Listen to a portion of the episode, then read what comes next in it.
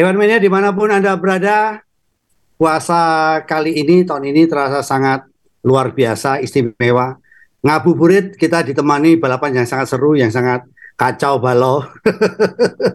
Tapi yang menurut saya sekarang saya membuat saya sedih adalah uh,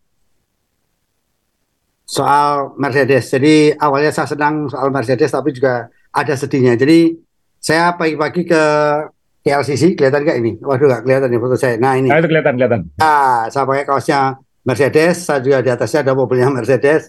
Saya cuma bilang di status saya semoga podium dan ternyata benar-benar podium luar biasa untuk Mercedes.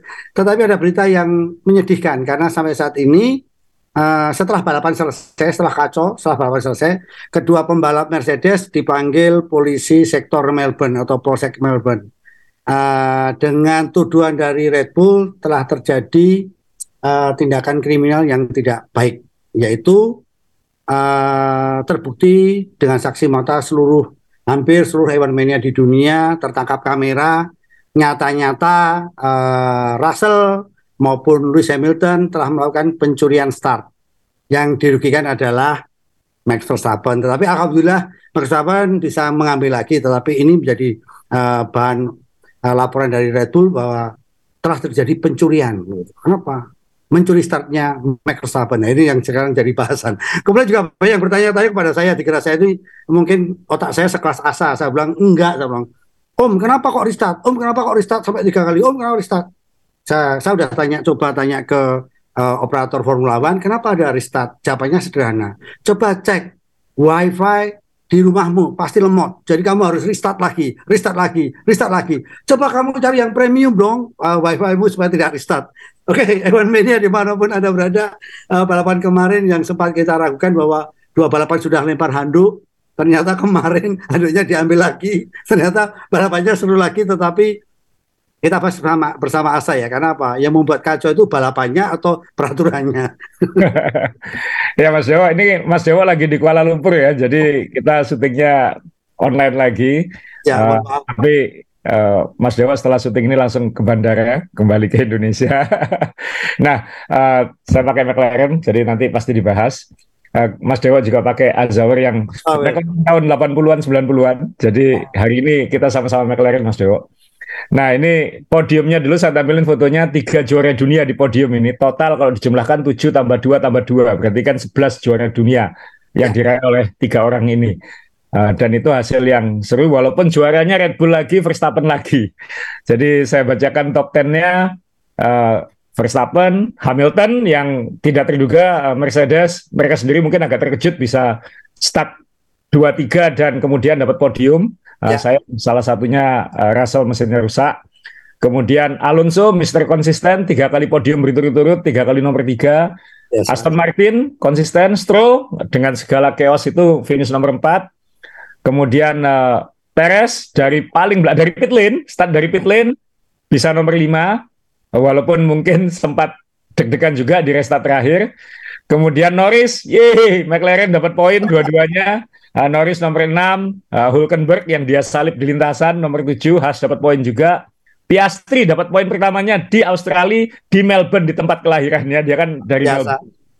Kemudian uh, Guan Yu Zhou, uh, Zhou Guan Yu dapat poin juga untuk Alfa Romeo, walaupun Alfa Romeo mungkin kemarin sebenarnya mobil terburuk ya di weekend kemarin. Sunoda dapat poin, ya. uh, peringkat 10. Ini semua tertolong oleh uh, penaltinya Sainz Ferrari uh, dan uh, hanya 12 mobil ya finish karena banyak yang langka sekali nih di F1 uh, belakangan uh, sedikit yang finish. Lalu saya bacakan klasemen pembalap. Ya mungkin satu duanya ini mungkin nggak usah terlalu dibahas karena kayaknya nanti sampai akhir mungkin ini. Alonso 15 tambah 15 tambah 15 45 konsisten. Hamilton 38, Ferrari masih Sainz 20, Stroll 20 poin, Russell 18 poin. Karena kemarin nggak finish, Norris langsung masuk 10 besar peringkat 8 eh peringkat 8 dengan 8 poin. Hulkenberg 6 poin dan Leclerc masih 6 poin setelah walaupun kemarin hanya ikut satu start. nah, yang paling menyenangkan buat saya ini tim standing Red Bull sekali lagi hampir dua kalinya Aston Martin poinnya. Ya, ya. Mercedes masih akan bersaing dengan Aston Martin dengan tim yang komponennya beli dari dia. Ya. Ferrari masih 26 poin, McLaren langsung peringkat 5 best of the rest Mas Yo. 12 poin, satu lomba setelah juru kunci uh, sebelumnya. Alpine endingnya nggak enak karena tak senggolan sendiri dua-duanya terakhir ya. akhirnya 8 poin. Haas 7 poin, Alfa Romeo 6 poin. Jadi semua tim sudah skor poin. Ya. Semua tim sudah skor poin. Satu ya. Sekarang bayangin Mas Yo ya, betapa sulitnya dapat satu 8 poin Red Bull dengan mudah 123. Yaitu pincangnya peta kekuatan oh, uh, sekarang. ya memang tadi Mas Yo benar uh, startnya sebenarnya kemarin menjanjikan karena dua Mercedes startnya bagus banget. Setelah ini kan uh, Lewis Hamilton juga nyalip Verstappen, jadi kita punya harapan waktu itu Russell bisa nahan, bisa di depan, kemudian Hamilton bisa nahan Verstappen sehingga ada kans mencuri kemenangan, apalagi Alonso juga nggak jauh-jauh di belakang. Jadi kalau di depan ada yang blunder, empat orang ini bisa seru. Tapi kemudian uh, ada kecelakaannya harusnya ini Albon, sayang ya Albon ini di 10 besar ya. waktu itu. Uh, ya. Dan mobil Williams ini kayaknya akan punya kans mengejutkan di sirkuit-sirkuit yang mungkin uh, low downforce ya. Nanti perhatikan Williams di Kanada, perhatikan mungkin di Baku nanti, perhatikan juga nanti di uh, Monza karena meliuk-liuknya kurang bagus tapi dia berani low downforce. Sayangnya uh, entah itu lost control atau apa, kecelakaan dan akhirnya waktu itu safety car dulu.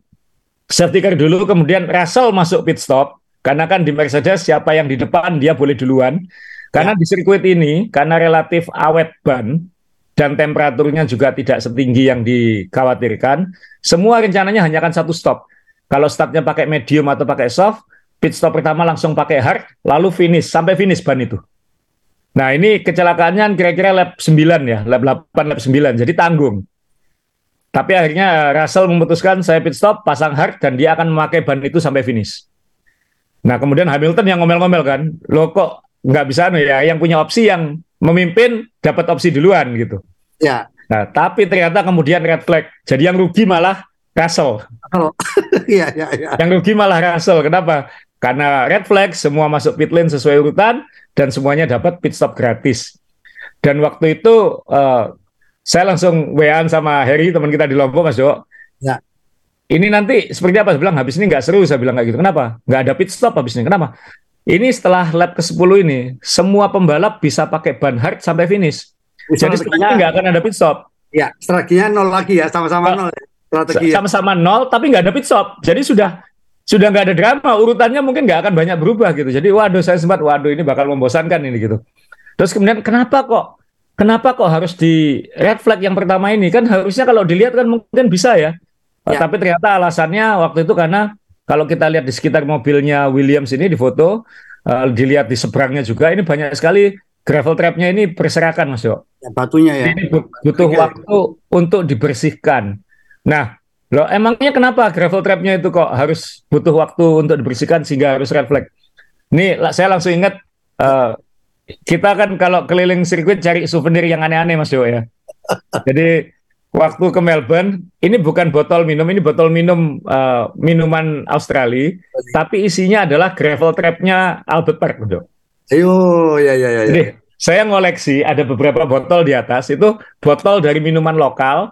Saya isi gravel trap dari sirkuit itu. Jadi saya punya Bahrain, saya punya Amerika, saya ada kebetulan punya Albert Park yang sudah sudah saya simpan puluhan tahun ini. Ya. Anda ingin tahu besarnya kerikil itu? Ini saya keluarkan dari botol. Jadi ini dua yang paling kecil itu ukurannya segini. Iya, iya. Kalau dilihat di di gambar, maaf kelihatannya segini. Ini ini nggak kecil. Ini dua yang saya pegang. Nah, ketika yang terjadi pada Albon ini, ini kan mungkin ribuan ribuan ya. ini di lintasan dan itu untuk mobil F1 itu bahaya. Sepeda sepeda motor aja bisa jatuh ini, apalagi mobil F1 kan bannya sangat lengket ya. Jadi ini bisa bahaya. Jadi sirkuit butuh waktu untuk membersihkan sehingga terjadi red flag sehingga di restart. Oke gitu. Wah ini bagus juga. Jadi bisa menunjukkan ini loh. Ini kerikil asli Albert Park ya yang saya curi bawa pulang. ini nggak ada ini souvenir yang gratis yang nggak ada nggak ada pajaknya. Jadi gara-gara kerikil uh, botol. Ya. Jadi kerikilnya itu karena keluarnya berjamaah itu jadi akhirnya berbahaya saya karena rame-rame. nah ini kan lintasan yang meliu-liu itu kan, jadi memang udah nggak bisa kontrol gitu. Banyak lintas, walaupun ini taman tapi lintasannya agak meliu-liu. Nah akhirnya harus terjadi restart. Sayang buat Williams. Kemudian restart lagi, ini restart pertama, uh, standing start lagi. Sempat ada Verstappen sempat mengira akan rolling start ya. Loh itu ya. Hamilton kok nggak 10 mobil di belakang safety car, safety car sudah nggak ada karena ini karena ini standing start gitu. Jadi yang salah Verstappen waktu itu. Akhirnya restart dan urutannya masih relatif normal. Hamilton masih di depan, tapi Verstappen nomor dua, Alonso nomor tiga, dan waktu ini kita nonton, wah ini tinggal nunggu waktu aja Hamilton disalip ini kan. Karena kan ya. unggulan top speednya Red Bull dengan DRS-nya yang luar biasa itu, biasa. ya ini tinggal makanan empuk seharusnya gitu. Ya, karena karena kan Russell terkunci di belakang sekarang kayak gitu. Apa Russell ini? Ya sudah nasib gimana? Kemudian balapan lagi, terus terang saya sempat ngantuk-ngantuk Mas Dewo, karena puluhan lap, kan nggak ada pit stop. Pasti nggak ada pit stop. Salip-salipan paling apa? Norris sama Hulkenberg kayak gitu-gitu aja kan. Nggak ada yang nggak ada yang dramatis gitu. Kemudian uh, lap 53 dari 58, ada lagi kejadian. Magnussen, Haas, juga kehilangan kontrol, cium tembok, peleknya pecah, bannya berserakan di mana-mana, red flag lagi. Kenapa? Karena pecahnya komponennya dia itu berserakannya radiusnya panjang gitu, bukan di satu lokasi. Jadi bannya ketinggalan di tikungan sana, serpihan peleknya di tikungan ini, kemudian ada serakan-serakan lain yang sepanjang itu yang mungkin Marshall butuh waktu untuk melihat uh, jangan sampai kecil-kecil itu mengganggu, uh, membahayakan karena kan karbon kecil aja itu tajam itu kalau dilintasi mobil bisa ban pecah, bisa mengakibatkan kecelakaan. Gitu. Ya, Walaupun mungkin Ya apalagi ya ganti ban ya saya. Bannya udah tipis Betul. semua gitu ya. Bannya sudah ya. kurang lima lap kan. Bannya ya. sudah habis semua. Di red flag lagi. Tapi red flag yang kedua ini juga masa nggak ada sih pakai apa namanya uh, safety car ya kan? Safety car pelan-pelan, krunya suruh lari bersih-bersih kayak gitu. Ya, ya. Masa nggak bisa? Tapi mungkin ya karena mungkin balapannya waktu itu tergolong boring sehingga uh, stewardnya atau wasitnya bilang red flag lagi, biar ada standing start lagi, biar ada ketegangan lagi gitu. Akhirnya restart lagi dan waktu itu kan semua ngitung siapa yang punya ban soft sisa kan, ban soft baru, ban soft bekas atau apa dan banyak yang pakai ban soft bekas kan karena bannya jatahnya sudah hampir habis semua. Kemudian dilakukan restart kedua dan chaos lebih besar lagi terjadi. Kita semua berharap Alonso bisa mencuri start lagi dan maju ke depan, eh malah dia yang diseruduk sama Sains. Sains. Akhirnya malah waduh Alonso malah yang out. Kemudian chaos, uh, dua Alpine ini kemudian juga senggolan, Perez sempat keluar di sini, Sarjan sama uh, De Vries ya ini kalau nggak salah ini eh uh, siapa ini ya De Vries kalau nggak salah. Eh De Vries ya, di sini. Oh, bukan bukan ya. Ini ada uh, uh, Botas atau siapa ini di, di belakang sini? Eh ini Botas di sini. Jadi ini chaos ini. Chaos dan akhirnya red flag lagi gitu. Red flag lagi.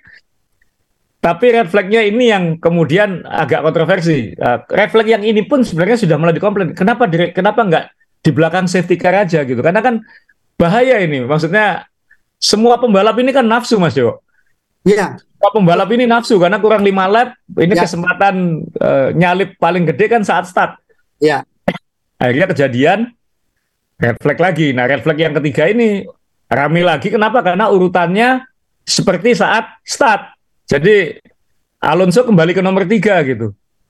Bukan apa? Bukan sesuai siapa yang selamat. Gitu. Ya, betul. Nah ini kenapa? Kenapa diputuskan kayak gitu? Karena harus uh, uh, nanti ada aturannya nanti saya tampilkan saya bacakan. Nanti ingat ini ada garis ini ya safety car garis safety car kedua. Ya. garis safety car pertama ada sebelum trek lurus. Ini ada garis safety car kedua. Jadi posisinya ditentukan dari ya sebelum garis ini yaitu berarti posisi start kayak gitu. Nggak berubah. Minus pembalap-pembalap yang out setelah ini gitu. Karena kan red flag ini dikeluarkan sebelum sektor satu dilewati kan. Sebelum semua pembalap melewati sektor satu. Jadi dianggap belum mulai kayak gitu. Sama seperti Inggris tahun lalu waktu Guan Yuzo mobilnya kebalik, kan kembali lagi ke urutan sebelum kecelakaan, bukan setelah kecelakaan.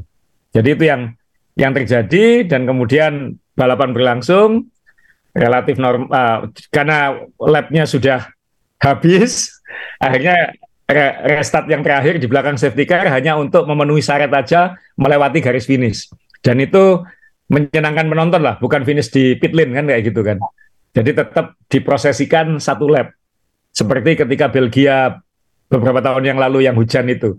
Jadi tetap finishnya harus di lintasan. Nah ini muncul jadi ada tiga red flag. Tiga red flag dan itu rekor di F1 Uh, kemudian pertanyaannya adalah satu, kenapa kok urutannya uh, sebelum kita bahas mending red flag atau enggak, Mas Dewa ya? Ya betul betul. Ken kenapa urutannya kok kembali lagi yang yang flag yang kecelakaan ya. terakhir ini? Karena ini ada artikel 57.3 ini kan sempat diprotes oleh Haas. Haas ya. sempat protes karena kalau Haas enggak kalau Haas protesnya berhasil, Hulkenberg podium itu. Hmm. Karena peringkat empat, ya. podium. Ya.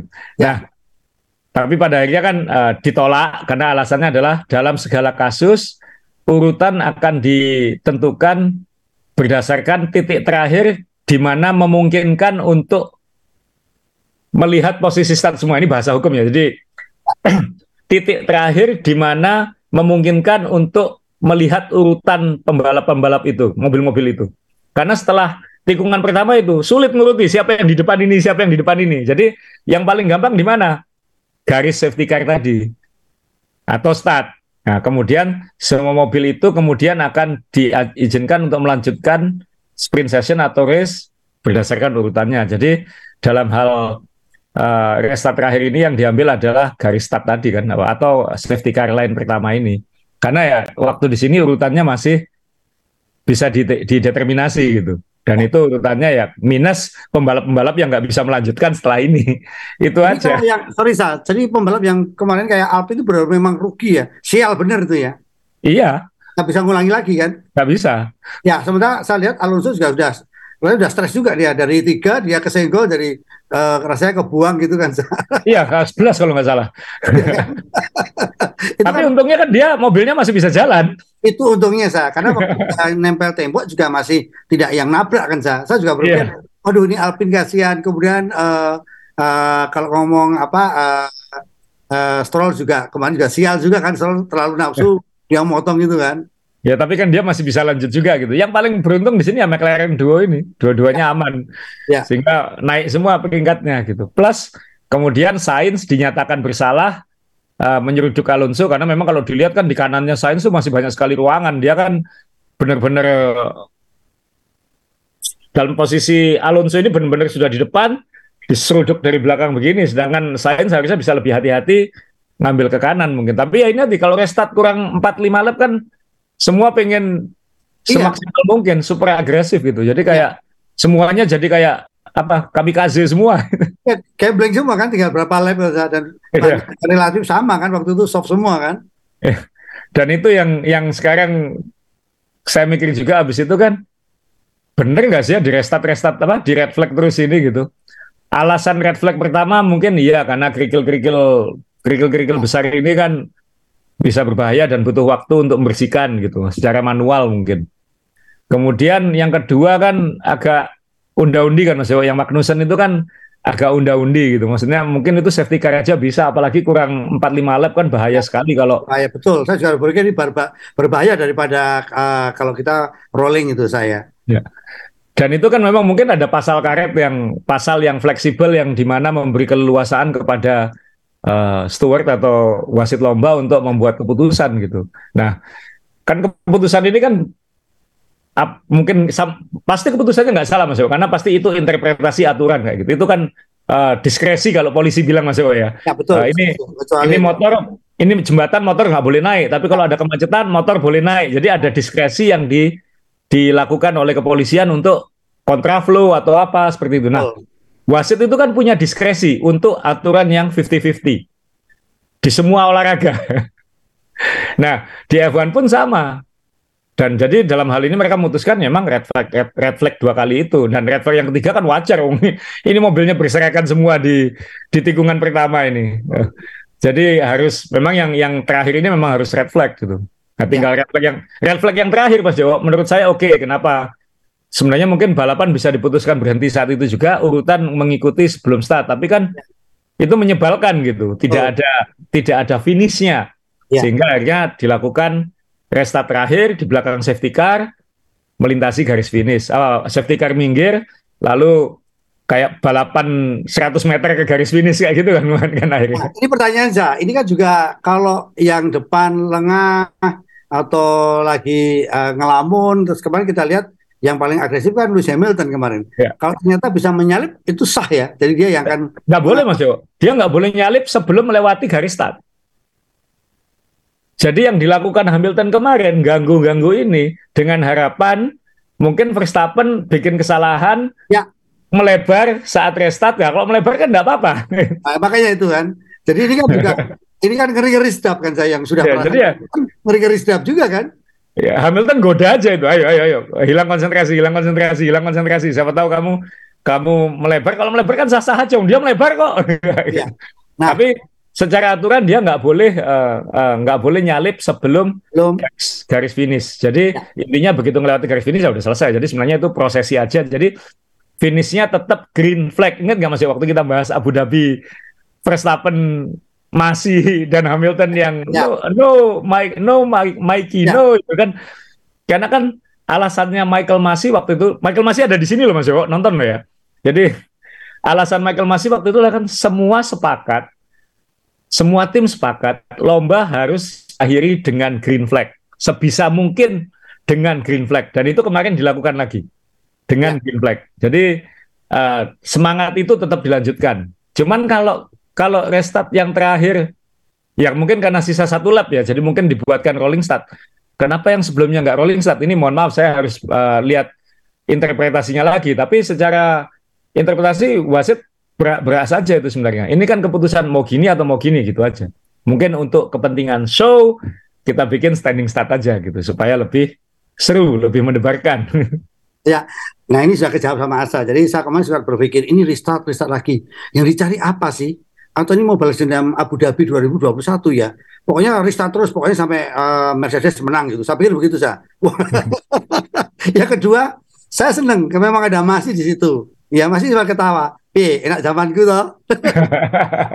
Akhirnya ditiru toh, gitu kan. ya kalau kita ingat kan dua lomba pertama atau sejak uh, musim lalu sebenarnya kan uh, wasit wasit wasit pengganti ini kan lebih lebih apa ya lebih letterlock ya maksudnya ya lebih ya. Begini harus begini. Uh, SOP, di, ya. di kotak miring penalti gitu. Ya, uh, SOP ya. Jadi sangat SOP jadi kalau kemarin itu ada salah keputusan pasti enggak. Cuman itu diskresi. Diginikan atau diginikan gitu aja. Akhirnya dan tim-tim kan nggak protes soal itu juga karena mungkin sudah tahu. Cuman paling ngomel-ngomel aja. Kenapa kok tadi itu di standing start? Karena kan ini kan semua pembalap siap-siap kami kasih semua ini. Di, di empat lap terakhir. Nah akhirnya ya ya positif nggak positif ya dibilang chaos iya dibilang ada serunya iya bikin kita fokus sampai akhir iya dan itu sebagai show bisnis bagus. Ya. Jadi bukan balapan prosesi. Bayangkan kalau tidak ada red flag uh, ketika Magnussen itu kan relatif membosankan Mas Yo. Di belakang safety car 2-3 lap, setelah itu Verstappen tinggal terus saja karena nggak akan ada yang pit stop. Ya. Mungkin yang di belakang-belakang ada yang pit stop untuk ganti soft, nyuri uh, nyuri fase lap. Tapi kan nggak ada artinya juga untuk urutan 10 besar karena berdekatan semua. Ya, dan ada hiburan uh, ketika Verstappen di depan ternyata sapi yang digendong tidak puasa sa. kan sempat melebar merumput kan wah ini nggak puasa nih sapinya itu juga hiburan karena apa yeah. dari 10 detik menjadi 7 wah ini ada problem nggak ya supaya yeah. supaya apa uh, Luis bisa mendekatkan saya itu semua berharap loh ini punya masalah kayak Perez kayaknya ini ini, ini ini ada masalah ini mungkin itu Mas mungkin ya pembalap pembalap ini kan kebiasaan on ya ini yeah. puluhan tahun F1 itu sering terjadi ketika dia full on itu dia nggak membuat kesalahan. Ketika dia disuruh santai, itu malah membuat kesalahan. Ya. Karena entah itu temperatur bannya turun, entah itu apa uh, mobil, mobil F1 itu kan minta di limit kan Mas bukan ya. minta santai. Kalau santai dia malah karena kan pedal gas itu kan tebelnya cuma segini. Jadi kalau diinjak tak gitu kan bisa langsung nyentak gitu. Jadi santainya seberapa? Masa dari pedal gas ini cuma diinjak segini kan sulit ini. Sehingga ya uh, mungkin itu apa istilahnya dulu brain fade. Jadi uh, ngantuk ngelamun. Uh, atau ada masalah apa gitu. Jadi akhirnya habis itu kan digas lagi sama Verstappen supaya nggak masalah. Iya naik lagi. Jadi ya. di luar di luar itu saya kira endingnya tetap finish green flag itu menurut saya juga walaupun tidak mengubah hasil baik uh, uh, saya kira wasit-wasit tidak membuat kesalahan chaos ya chaos tapi masa mau nyalakan siapa chaos yang balapannya seperti itu ya kan kita semua ini teriak chaos chaos chaos ya terus kenapa kan teriak nggak ada gunanya kan Mas Dewa Loh, kalau yang teriak itu kalau yang teriak seharusnya yang di sirkuit kenapa jadi penonton di, di sirkuit itu susah loh bayangkan chaos chaos restart restart kalau kita udah di tengah mau keluar beli minuman aja jauhnya setengah mati kalau nggak punya cadangan minuman, kita kan tinggal lele ya. Saya kemarin nonton uh, menghadap seperti ini karena berkali-kali start udah ngantuk puasa juga kan puasa di sini kan juga setengah delapan baru buka puasa sa. akhirnya yeah. taruh di dekatnya kasur kita nonton sambil miring-miring coba di sirkuit bayangkan ya. sulit loh keluar dari minuman itu jauh loh jauh dia harus turun jalan kaki antri lagi nanti dia kembali sudah kecelakaan lagi dan iya kan? komu ya. komunikasi kan enakan nonton di TV Mas Yo. Kadang-kadang oh, kalau itu kan bayangkan kecelakaan di tikungan pertama yang di yang di backstreet itu yang di di seberang danau. Ini ya. ada apa lagi di sana kan nggak apa-apa. Eh, Mobilnya kok nggak lewat-lewat. Bayarnya mahal. Iya. Itu ada kalau apa? Ada screen besar jauh di sana. Betul, Sa ada screen saya. Kalau tidak ada salah satu penonton yang dibayarin, tolong lari lihat ada apa laporan. Kamu lari ya, saya beliin hotdog nanti ya gitu. Uh, saya jadi ini uh, juga menjawab ada pertanyaan dari teman-teman Evan Mania yang bertanya tentang kenapa Sainz yang harus kena uh, penalti 5 detik itu kan. Dan kalau ya. kita lihat berapa lap aja kan nggak masuk akal itu. Udah kalau saya ikut start aja. ya dan itu uh, Carlos kan sempat waktu di pit lane waktu sebelum start kan sempat mata dia ngomong di radio tapi mulutnya kan nggak kelihatan ya. tapi matanya kan kelihatan ya. belalak terus gitu ya. no no no no uh, mereka harus nunggu saya menjelaskan dulu setelah jangan di penalti sekarang jangan di penalti sekarang Nah, terus mau dinego dulu nggak bisa. Indonesia aja berangkat ke dinego Piala Dunia surat keputusannya sudah ada kok nggak ada negosiasi? Jadi ya uh, yang saya bisa membayangkan feelingnya Carlos kan karena kan ya. uh, dia posisi poin akhirnya jadi out of point karena lima detik saat restart gitu lima detik itu semua mobil udah lewat tuh saking cepat ya. kan Mas Dewo lima oh. detik itu semua sudah lewat ya. Ya akhirnya uh, dia peringkat apa 11 kan ya 11 atau 12 jadi nggak dapat poin nah ya. itu uh, ya yang lain kan paling perintahnya adalah waktu restart pastikan sedekat sedekat mungkin dengan mobil yang depanmu ya supaya kalau lima detiknya kamu masih kehitung karena kamu bisa dapat poin ini. ya Nah, Nah, tapi ya Carlos memang kalau menurut saya sih salah Mas Yo. Uh, maksudnya ya memang dia nyeruduk banget gitu. Alonso ya, kan ya. sudah jauh di kiri di kiri gitu. Ya. Nah, jadi kalau kita uh, ya Carlos kan uh, bete banget itu memang ya ya Ferrari. Ferrari kemarin ya ampun ini uh, Leclerc uh, start pertama sudah langsung out. Uh, jadi ya non faktor uh, kemudian Nah, teman saya ada yang langsung nggak nonton waktu itu kenapa Leclerc sudah out katanya jadi nggak usah nonton gitu. Terus habis itu Sainz juga nggak dapat poin. Uh, ini ini mobilnya Leclerc ya yang di pinggir. Jadi ya, ya memang Ferrari ini masih ada masih anu uh, drama komedi Ferrari masih berlanjut masuk. Ya. Dan entah nanti uh, balapan berikutnya kan masih tiga minggu ya, tiga minggu kan di Baku masih lama ini. Sehingga ya kita lihat nanti bisa apa uh, di berikutnya. Sayang ya balapan kayak gini, balapan berikutnya harus menunggu uh, tiga minggu. Kemudian ya kita ini syarat podcast harus menyebut uh, Verstappen finish karena finishnya memang resmi finish di secara green flag uh, bukan di belakang safety car. Uh, ini Hamilton di belakangnya nempel terus gangguin, berharap dia membuat kesalahan, tapi ya juara dunia sama juara dunia kan nggak mungkin. Uh, uh, Verstappen menang tapi perayaannya kan sudah kayak anti klimak ya karena kan nggak ada serunya kayak gitu mungkin ya kita harus kasihan sama Russell uh, ya.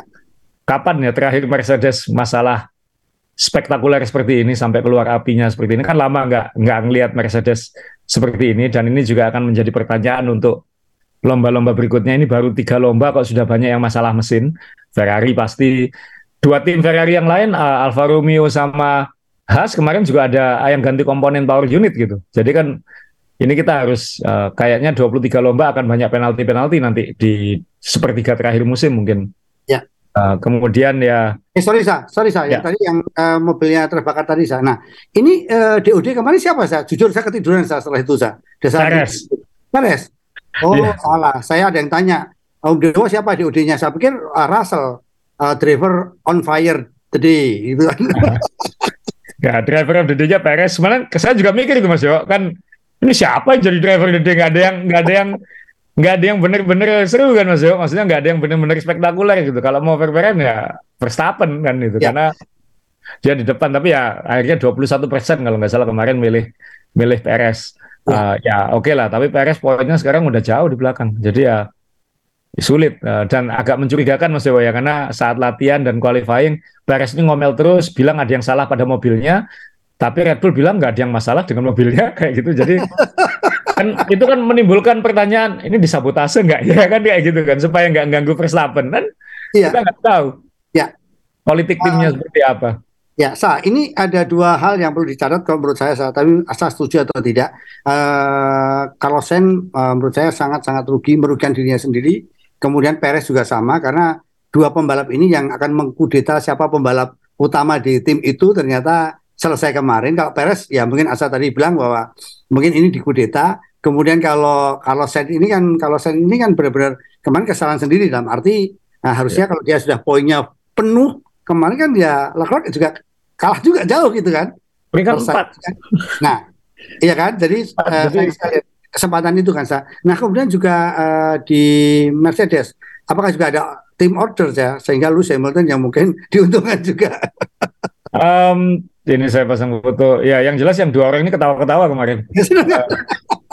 Menang ya, Hamilton, Hamilton pasti senang kan dia minimal poinku di atas. Gitu. Tapi ya. Mercedes kelihatan polisinya sangat free fight ya, karena ya itu tadi ketika sebelum red flag pertama Hamilton sempat ngomel, kenapa kok aku nggak boleh pit stop? Ya penjelasannya jelas, siapa yang di depan, dia yang berhak mengambil keputusan duluan akhirnya ya si Russell yang duluan walaupun pada akhirnya itu lebih menguntungkan Hamilton. Nah, dia ketawa-ketawa ya. ketawa-ketawa dan ini dua pembalap ini kan kalau ingat dulu musuhan banget waktu di McLaren. Uh, ini kalau di kalau dijumlahkan 70 Mas Yo. Yang satu empat satu, yang satu tiga delapan setengah, yang satu empat satu setengah kan berarti kalau dikumpulkan kan 70 Mas Yo. Ini dua, dua yang paling tua di F1 sekarang nih. Iya. Dan dua-duanya Pak, dua-duanya masih apa ya masih nggak lebih meyakinkan daripada kebanyakan yang muda-muda kan itu kan luar biasa. Betul. Ya. Dan itu yang yang uh, dikhawatirkan nanti ke depan ya pembalap-pembalap muda ini punya karakter enggak gitu, punya punya cerita enggak? Itu kan dua pembalap ini punya cerita yang sejak 2007 punya cerita, uh, dulu satu tim berantem, sekarang sudah sekian belas tahun kemudian ya masih di F1 gitu. Nah ini yang MotoGP yang nggak punya kan, maksudnya nggak ada ceritanya semua pembalap-pembalap itu kan. Gitu. Nah ini ya. yang Ya inilah ini dua orang ini mungkin harus dijaga budayakan ini harus uh, harus sampai uh, masa umur, pensiun umur 50 atau 55 gitu mungkin ya supaya ya. terus mewarnai. Ya, jadi harus di harus banyak makan garam jadi biar diawetkan kan kalau banyak garam. nah, uh, ya kita memang agak kualat juga ya minggu lalu kita ngomongin sprint race-nya MotoGP banyak merugikan. Ternyata kemarin juga uh, Albert Park ini kategorinya bukan balapan tapi juga sprint race ya. Banyak yang dirugikan juga gitu. Pertanyaan saya, Sa, kemarin sempat kaget uh, dengan keberadaan Mercedes di depan saya. Ini serius atau tidak sah? Karena kalau kita lihat tanpa tanpa apa safety car, kok rasanya juga jaraknya jauh juga ya dengan Red Bull.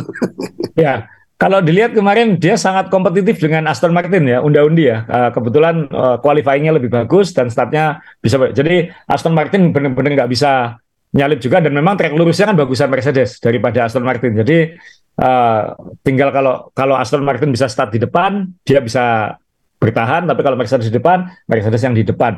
Tapi kita lihat dua mobil ini kan jaraknya satu setengah terus nggak pernah berubah. Jadi ya. menurut saya sekarang Aston Martin dan Mercedes ini equal mungkin. Nah, Ferrari sebenarnya punya potensi tetap uh, kalau kita lihat uh, teman-teman kalau cari analisa uh, performa ya, uh, grafis performa menghitung catatan lap segala macam. Ferrari sebenarnya paling dekat dengan paling dekat dengan uh, Red Bull sebenarnya. Tapi ya entah ada moga-moga Fred Vasseur kan kemarin setelah lomba kelihatan kayak orang sungut terus gitu. Jangan sampai ini terjadi perpecahan di internal yang bikin itu ya nggak harmonis sehingga mekaniknya atau engineer-nya mungkin tidak tidak motivasi sehingga setelannya asal-asalan kan kayaknya kacau kan kalau dilihat kan maksudnya ini pasti kan Fasur bilang ini pasti masalah setelan gitu kan nah karena mobilnya kan cepat gitu apa yang terjadi ya kita lihat nanti bisa di recovery di baku apa enggak uh, yang jelas dua pembalapnya juga jadi nggak tenang uh, kemudian uh, timnya juga kelihatannya nggak nggak fokus sementara Mercedes kan tim tim uh, yang solid dominasi juara dunia sehingga seandainya kemarin tidak ada red flag pun mungkin strateginya Russell itu mungkin yang benar mungkin. Iya. Dan Sainz, Sainz juga udah ganti hat kan? Betul. Sudah ganti hat juga. Ya kan nothing tulus yang di belakang. Gitu. Tapi kan uh, Russell kan posisinya di depan nomor satu. Dia yang paling gambling kan Mas Ya. Sehingga uh, dan mungkin itu keputusan tepat lap 9 pit stop. Tapi kan nggak tahu karena kan terjadi restart ya berubah semua. Nah ini yang uh, nanti harus kita lihat di Baku. Baku juga street circuit, temboknya juga dekat-dekat. Itu potensi-potensi chaos seperti ini akan mungkin lebih besar gitu. Ya. Karena kan uh, kalau kecelakaan dia pasti share dan ada ada tikungan-tikungan yang sempit banget itu. Kita tahu dalam beberapa tahun terakhir sering sekali itu uh, tunggu-tungguan uh, safety car aja bisa senggolan, apalagi balapan uh, Hamilton aja waktu restart di Baku juga salah salah pencet tombol juga pernah. Jadi kalau kita lihat chaos di Albert Park ini ada ada potensi di magnifying lagi di di lebih besar lagi di Baku. Itu yang ya sayangnya tiga minggu lagi itu aja. Tapi kalau dari sisi mobil Mercedes ya dia mungkin tetap fokus ya maksudnya mobil ini punya kelemahan tapi kita mungkin bisa menemukan cara setelan yang mengkompromikan kelemahan itu dan kebetulan sirkuitnya Albert Park ini kan bukan sirkuit yang uh, menantang secara setelan gitu. Ini sirkuit yang relatif simpel, jadi mungkin uh, Mercedes uh, lebih lebih gampang di situ. Nah itu yang tinggal nanti di sirkuit berikutnya seperti apa gitu. Nah di Baku mungkin apakah Aston Martin bisa bersaing karena trek lurusnya kan panjang banget kalau dikumpulin hampir 2 kilo. Nah itu yang yang nanti jadi tantangan dan harus diingat bahwa ini bukan berarti tim-tim ini menyelesaikan masalahnya loh ya. Kan kemudian kemarin itu situasi khusus gitu. Situasi khusus mungkin kok tipe sirkuit dan banyaknya red flag dan banyaknya kecelakaan. Nah, kan yang saya harus uh, nampilin uh, tim favorit saya Mas Jo. Uh, ini kan apakah ini berarti McLaren mobil peringkat 5? Ya belum tentu juga, mungkin juga masih paling belakang. Ingat Williams top 10 sebelum Albon kecelakaan. Ketika ya. qualifying McLaren struggle juga loh. Jadi dia ini benar-benar diuntungkan oleh situasi, dua pembalapnya tidak membuat kesalahan, uh, dua pembalapnya agresif tapi aman, Norris kan agresif itu saat dia mau nyalip uh, mau nyalip Hulkenberg itu kan dia mati-matian. Karena kan trek lurusnya walaupun pakai DRS kesulitan ngejar khas. Dan memang kelemahannya McLaren kan katanya uh, aero efisiensi berarti trek lurus kan. Jadi dia harus main trik kan itu. Dia harus uh, ngirim dummy namanya dikira ke sini ngeblok ke sini baru di, diambil ke dalam oleh Norris. Jadi itu uh, itu overtaking yang mikir bukan yang tekan tombol DRS nyalip. Bukan itu harus mikir. Pakai DRS saja masih kurang cepat soalnya. Beda ya waktu uh, persahabat nyalip uh, Lewis Hamilton itu nggak mikir nggak itu menyalip paling gampang itu. Iya klasik sekali biasa lah ya itu dan ini harus kita harus siapkan apa pun Piastri dapat poin di kandang sendiri kita jadi ingat Mark Webber dulu waktu dapat poin pertamanya di Minardi uh, juga di sirkuit yang sama jadi ini yang minimal happy ending untuk masyarakat Australia Uh, dan tadi ngomong soal DRS, Mando, saya mundur lagi. Kan banyak pembahasan belakangan adalah kenapa DRS-nya Red Bull bisa begitu powerful dibandingkan yang lain. Sebenarnya pakai common sense saja bisa, Mas Dewo. Mobil Red Bull ini kita semua sudah tahu secara overall sudah paling uh, aeronya paling baik, uh, paling efisien, uh, paling apa ya, paling gampang nyetelnya, sehingga dia dengan sayap yang lebih low drag itu nikungnya masih bisa lebih cepat daripada yang lain. Sehingga apa? Itu memberi fleksibilitas dalam mendesain sayap belakang yang bukaan DRS-nya itu lebih efektif gitu jadi dia tanpa DRS pun trek lurusnya udah lebih cepat ditambah DRS jadi kelihatan jauh lebih cepat bisa sampai puluhan km per jam ya itu enaknya kalau mobil overallnya sudah enak bagian-bagian kecil ini bisa dioptimalkan Ya. Jadi bukan berarti dia oh sayapnya beda sendiri enggak. Sayapnya aturan aturan DRS itu kan cuman boleh berapa? Delapan setengah senti kan? Enggak enggak enggak semua tim sama gitu. Loh, kenapa kok 8,5 sentinya Red Bull bisa lebih efisien ya? Karena mobilnya secara overall lebih efisien gitu aja. Sehingga dia tidak perlu mengandalkan uh, sayap belakang yang sangat kuat gitu. Sehingga sayap belakang ini ketika dibuka mobilnya jadi lebih dilos lagi gitu. Ya itu aja. Jadi itu sebenarnya bukan berarti DRS-nya dia mutlak lebih kuat. DRS-nya dia lebih kuat karena mobilnya overall sudah lebih kuat sehingga efeknya jadi lebih bagus. Jadi kalau tim-tim lain bisa menemukan mobil yang lebih balance, ya DRS-nya juga akan lebih juga akan lebih efisien. Jadi ya ya itu tadi bukan berarti ganti sidepod akan secepat Red Bull, enggak juga gitu. Ini mulai dari ujung hidung sampai saya belakang ini semuanya tuh connect gitu. Kalau ini kayak gini, maka ini kayak gini. Kalau ini kayak gini, maka ini kayak gini. Jadi ya, hmm, paham, ya, paham, jadi enggak bukan berarti DRS-nya beda dengan yang lain enggak, ya, karena ya, mobilnya ya. sudah efisien gitu aja. Ya, ini jujur jadi perdebatan ya, sampai ada yang bertanya uh, uh, apa Red Bull ini uh, triple DRS katanya gitu. Loh, saya sanggah. Kalau dua DRS saja sudah doktor, apalagi triple profesor itu saya bilang gitu kan. ya, dia bisa karena mobilnya sudah efisien sehingga dia bisa mendesain ya. sayap belakang yang ya mengoptimalkan DRS itu aja. Bukan berarti DRS yang lebih DRS kan semua sama aturannya ya. gitu aja. Cuman ya. dia bagaimana eh, bentuk saya bentuk saya belakang tim lain pakai saya belakangnya Red Bull mungkin makin berantakan, mungkin makan bakal apa langsung melintir mungkin karena kan nggak connect sama hidungnya, nggak connect ya. sama sampingnya gitu. Jadi bukan berarti itu lebih lebih anu. Ya karena mobil Red Bull ini efisien, dia enak bisa fokus. Oke kita apain ya? Oh saya belakang yang kita mainkan. Uh, jadi kita tidak perlu mendesain saya belakang yang downforce-nya tinggi. Kita bikin saya belakang yang uh, bisa mengoptimalkan DRS gitu. Sedangkan tim-tim lain butuh saya belakang yang membantu downforce karena mobilnya masih kurang efisien. Kan itu kan saya belakang ini kan bisa diganti-ganti mas Yo. Ganti mobil secara keseluruhan kan susah. Ganti sayap kan relatif lebih gampang. Ya contohnya Mercedes ya. Kalau kemarin juga bilang Mercedes bahwa ini kita kita salah konsep ya sudah itu kan jawaban yang luar biasa kan. Kita ya. salah konsep. Jadi memang dari awal mobil harus dihanguskan bikin baru gitu kan sa. Ya dan dia bisa ini aja dia bisa mengoptimalkan.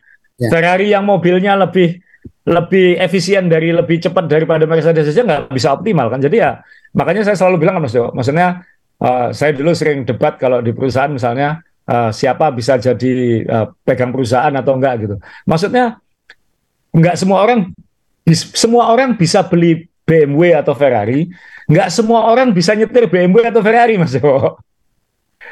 Jadi itu yang yang saya maksud. Maksudnya uh, Ferrari punya mobil efisien tapi mungkin engineeringnya masih bingung juga ini diapakan ya gitu.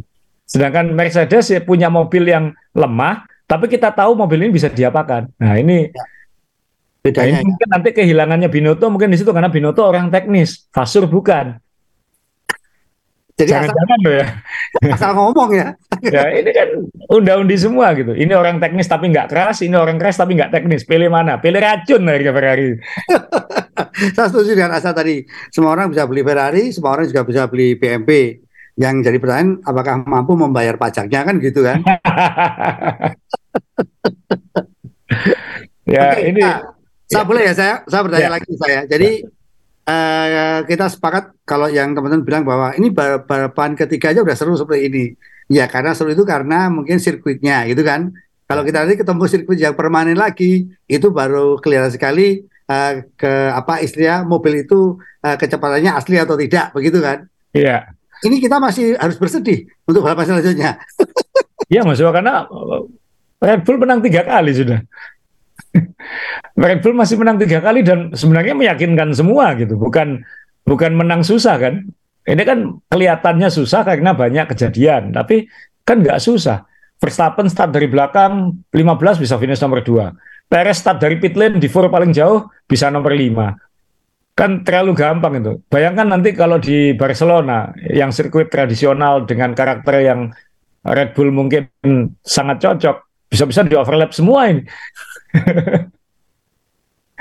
Baku nanti mungkin enggak karena kan Baku sirkuit jalanan jadi ada potensi drama-drama tadi sudah disinggung. Tapi ya. ketika nanti kita udah ke Eropa, ke San Marino, ke Imola, maaf, ke Imola, ke Barcelona, ya mungkin Monaco akan seru lagi, akan dramatis lagi.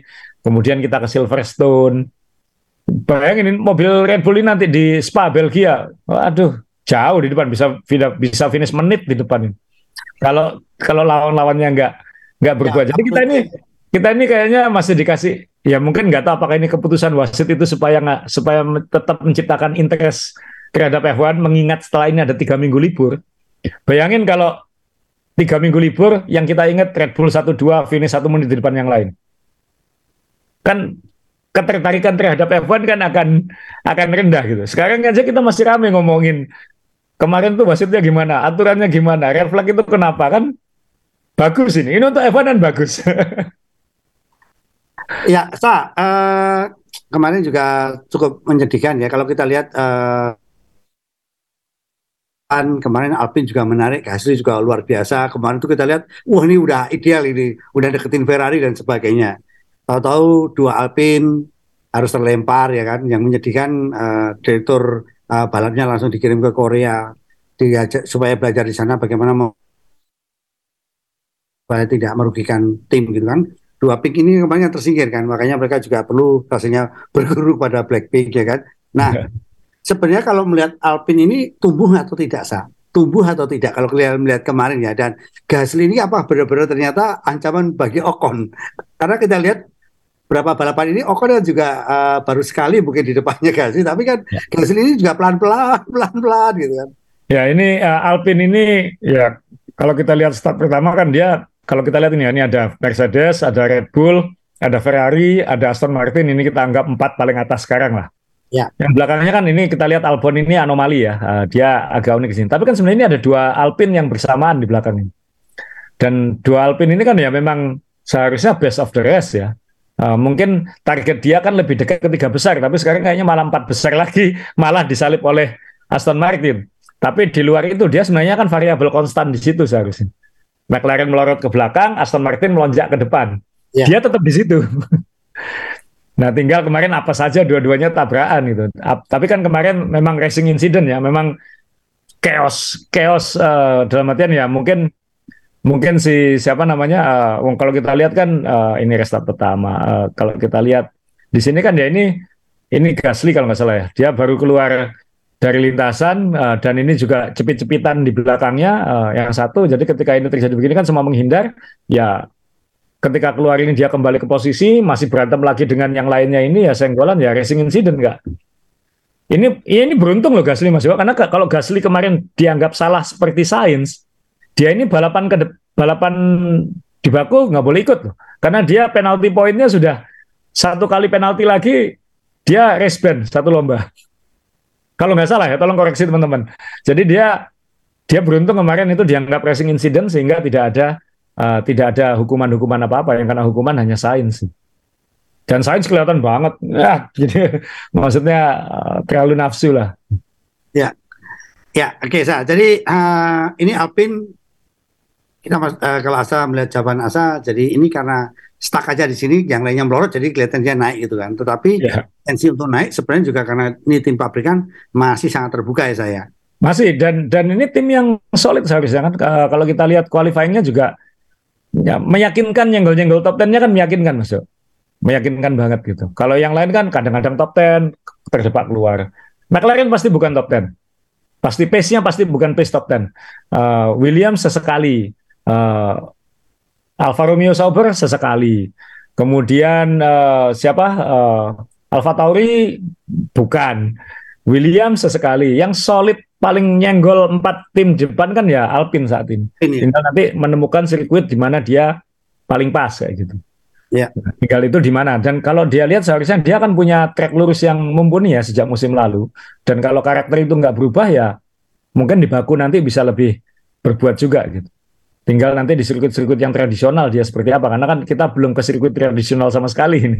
Bahrain bukan, Arab Saudi bukan, Albert Park bukan, Baku bukan. Jadi kita empat lomba pertama ini bukan sirkuit tradisional masih. Kita masih harus menunggu Imola nanti. Di mana meliuk-liuk, naik turun, yang apa yang khas sirkuit lama F1 lah. Kita masih harus nunggu dua lomba lagi kan. Ya. ya, Dan di situ nanti mungkin mungkin nanti di situ uh, di Baku nanti McLaren punya update Kemudian di Imola Mercedes mungkin punya kejutan atau mungkin di Baku karena kan ada tiga minggu ini. Jadi kita lihat nanti update apa yang mereka lakukan. Sedangkan Red Bull kan mungkin akan menghemat uh, menjaga alokasi uji cobanya untuk just in case mungkin gitu. Ya. Nah, ini Sa, kita juga terima kasih ada Mas Albertus Purwonugroho. Dia lagi belajar di Melbourne, jadi kemarin juga kirim foto-foto, dia mengambil foto-foto dari tempat dia nonton. Sekali lagi terima kasih. Uh, mungkin saya menyebut ini karena saya rasanya jadi ikut tadinya sempat berpikir waktu Asa bilang Piastri ini ke McLaren sial atau tidak. Piastri ini meninggalkan Alpine sial atau tidak. Sekali lagi rasanya kalau dari cara kemarin dia membalap keren juga. tenang, tenang, tenang, iya, tenang. Dia dia tahu mobil ini nggak akan bisa diajak aneh-aneh, jadi aku akan memaksimalkan tidak ngambil risiko aneh-aneh. Kalau bisa dapat poin, dapat poin. Kan dia kemarin 11 kan harusnya kan ya.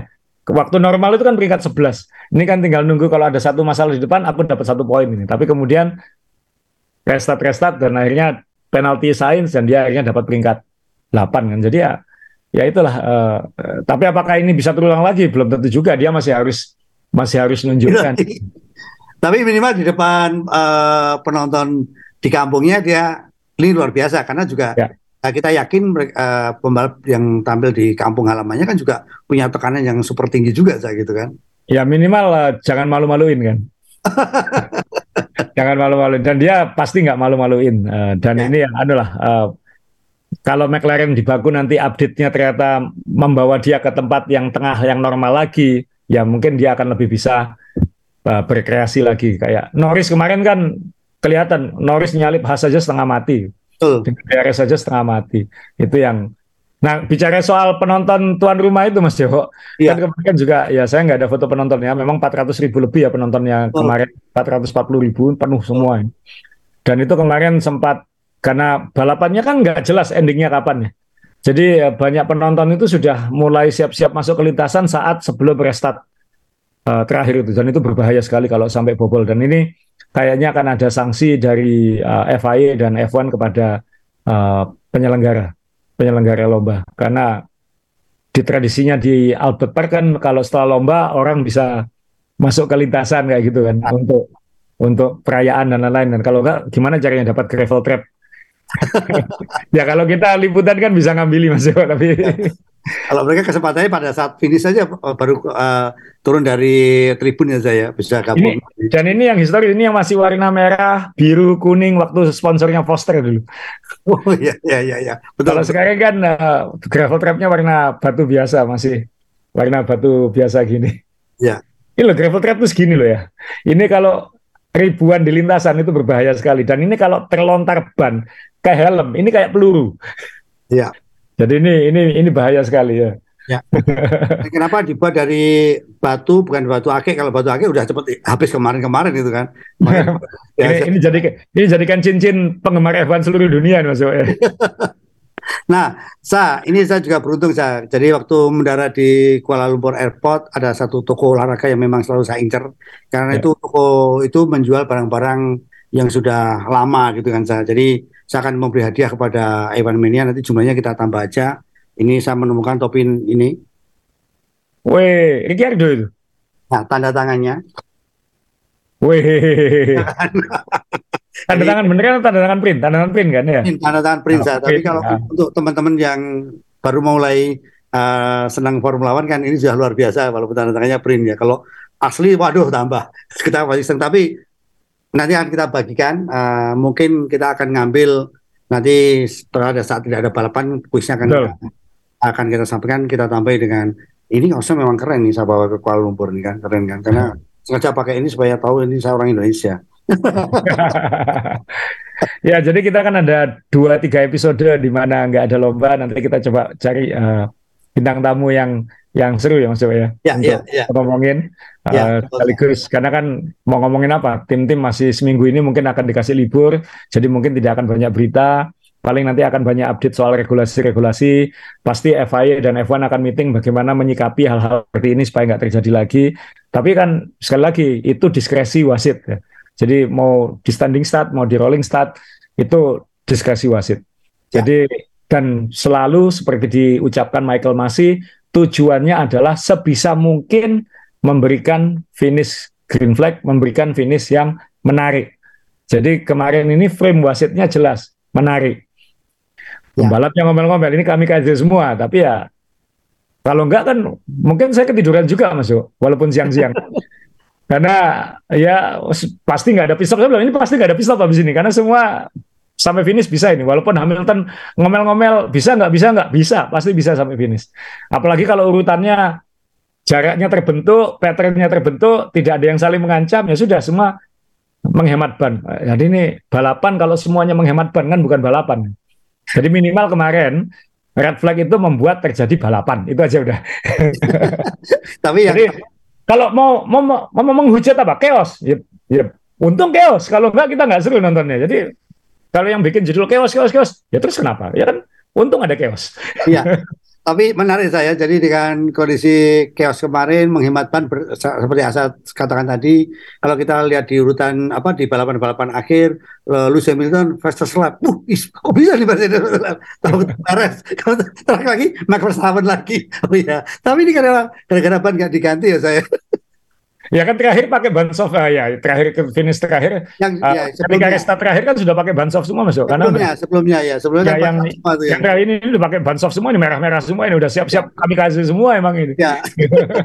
sebelumnya kan lucu tuh jadi uh pakai ban hard yang sudah aus kan loh siapa yang Peter Slap bisa gantian-gantian iya dan itu bisa berubah terus sampai akhir itu ya ya ya uh, mungkin saya akan mengucapkan terima kasih pada Aina ini tinggal di eh, dekatnya KLCC. Jadi kebetulan suaminya Emir adalah anak teman saya. Saya kemarin sempat ketemu uh, Emirnya, ya istriku sekarang nggak ikut kenapa? Dia lagi mantengin apa? Uh, mantengin laptopnya. Kenapa? Ini Formula One Om. Oh iya.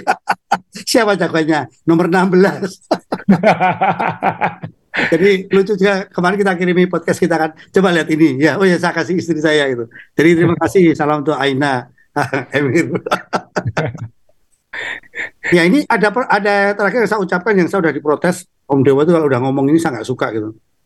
Uh, ada tambahan asa, nah itu kan saya dimarahin saya. Ini kalau orang refleksi pijat refleksi udah plok plok plok plok plok, wah pemijatnya mau pamit ini. udah cukup Mas Dewa, nanti kita uh, pikirkan tema-tema yang seru untuk mengisi tiga minggu ke depan. ya.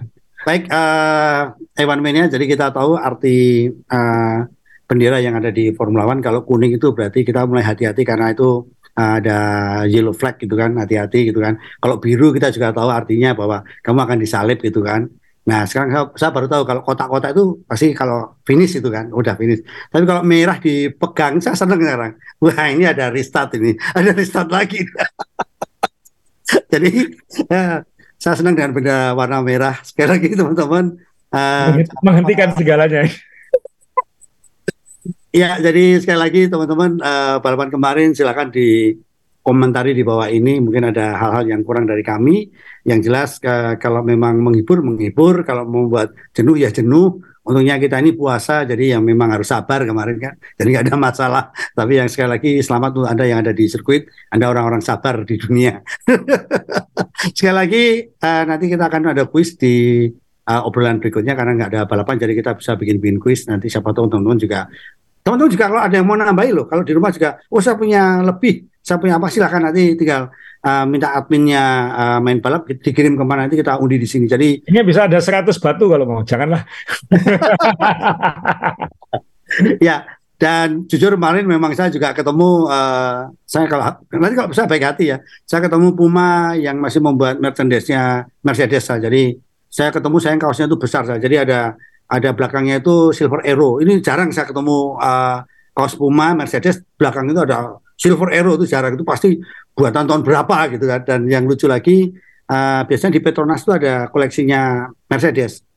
Saya sudah dua kali bulan lalu saya ke Kuala Lumpur, kali ini ke Kuala Lumpur saya tengok lagi, saya lihat lagi juga tidak ada. Jadi memang sekarang sudah tidak lagi menjual um, apa ya mungkin belum menjual uh, produk-produk dari Mercedes walaupun itu sponsornya Petronas. Asal terima kasih teman-teman yang ada di belakang saya terima kasih uh, teman-teman selamat menjalankan ibadah puasa. Uh, sekali lagi semoga balapan ke depan lebih menarik lagi. Salam. Ya. Selamat perjalanan Mas Dewo. Oh, makasih Sa. Ya. tunggu tunggu tunggu tunggu. makasih Sa. Thank you. Makasih semuanya.